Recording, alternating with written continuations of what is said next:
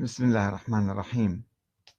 آه، كثيرا ما يسأل بعض الأخوة عن آه، موسوعة الإمام المهدي التي ألفها السيد محمد صادق الصدر وقدم لها مقدمة السيد محمد باكر الصدر.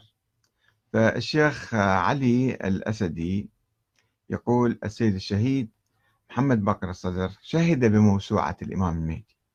للكاتب السيد محمد صادق الصدر فأين أنت من ذلك؟ وهل تشك بثقافة السيد محمد باقر الصدر؟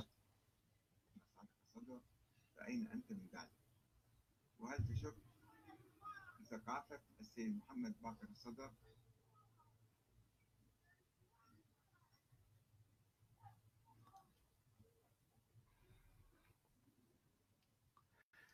أه وأجبته بما يلي. آه، الأخ الكريم الشيخ علي الأسدي انظر إلى ما قيل ولا تنظر إلى من قال. وحاول أن تتأكد بنفسك وتجتهد ولا تقلد أحدا. وأن تعرف كيف آمن السيد محمد باقر الصدر نفسه بوجود وولادة إنسان قبل 1200 سنة. هل رآه بنفسه؟ أم قلد السابقين من مشايخ الطائفة كالصدوق والطوسي والمفيد والنعماني وغيرهم قبل ألف سنة. وحاول أن تقرأ كتب هؤلاء الذين جاءوا بعد أكثر من مئة عام على وفاة الإمام الحسن العسكري. ولم يشاهدوا ولدا له وإنما سمعوا مما يسمى بالنواب الأربعة. أو ما نقل عن هؤلاء الذين قيل له لهم آه، أو عنهم أنهم رجال صادقون أتقياء ولا يكذبون كما قال السيد محمد باقر الصدر. وإن مشايخ الطائفة وأن مشايخ الطائفة قالوا بأنه لا يوجد لدينا دليل تاريخي على ولادة محمد آه، ابن الحسن العسكري. وإنما لابد أن نفترض وجوده افتراضا وإلا سقطت نظرية آه، الإمامة وتهاوت وانتهت. ولما كنا حريصين على بقائها واستمرارها فلا بد أن نفترض ولدا له ونقول باستمرار الإمامة فيه إلى يوم القيامة.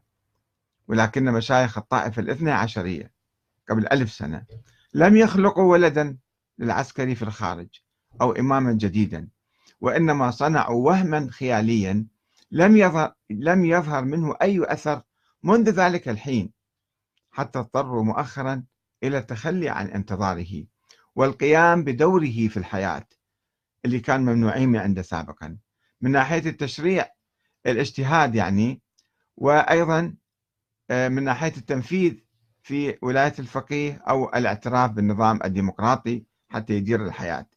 فماذا تفيد شهادة رجل في القرن العشرين أو القرن الرابع عشر مثلا الهجري عن ولادة إنسان في منتصف القرن الثالث الهجري؟ هاي الشهادة كيف تكون شهادة هذه؟ وهل هذه شهادة مقبولة أو علمية أو صحيحة؟ أم إنها ظن في ظن وافتراض في افتراض ووهم في وهم. المشكلة أنه الناس ينظرون إلى الأسماء وينظرون إلى اللحية والعمامة واللقب فيصبح هذا كلامه حق مطلق. وإذا كان إنسان عادي يمكن آه، يعني يقع في هذه الورطة أو المشكلة فمفروض من شيخ مثلا دارس بالحوزة ويعرف من مقدمات الحوزة في الدراسة في الحوزة. أنه لا يجوز التقليد في العقائد. هو في الفقه لا يجوز. التقليد حرام تقليد الأعمى. فكيف في العقائد ومسألة وجود إمام مثلا الثاني عشر أنه هذا يجوز أيضا واحد يقلد فيه.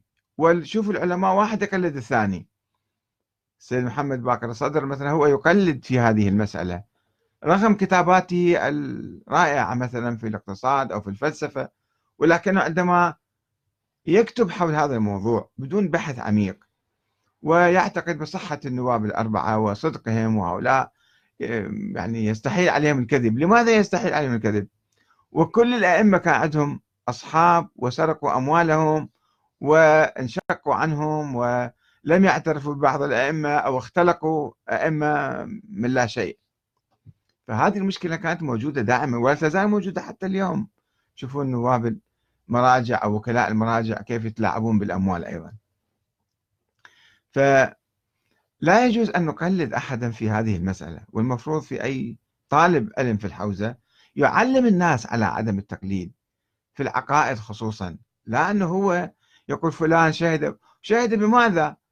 وماذا كتب له يعني؟ أنه كل أحاديثه صحيحة وكل نظرياته هو سيد محمد الصدر لم يعني جمع روايات فقط. جمع قصص وهذا. لم يتحدث لم يحلل لم يدرس لم يحقق في هذه الروايات. وفي المقدمة كتب ذلك. أنا ما راح أحقق في أي رواية لأن هذه مشهورات وبديهيات ومعروف معروفة وأشياء واضحة. وهذا مو صحيح. المفروض إحنا نعيد النظر لأنه هاي المسألة تترتب عليها مسائل كثيرة.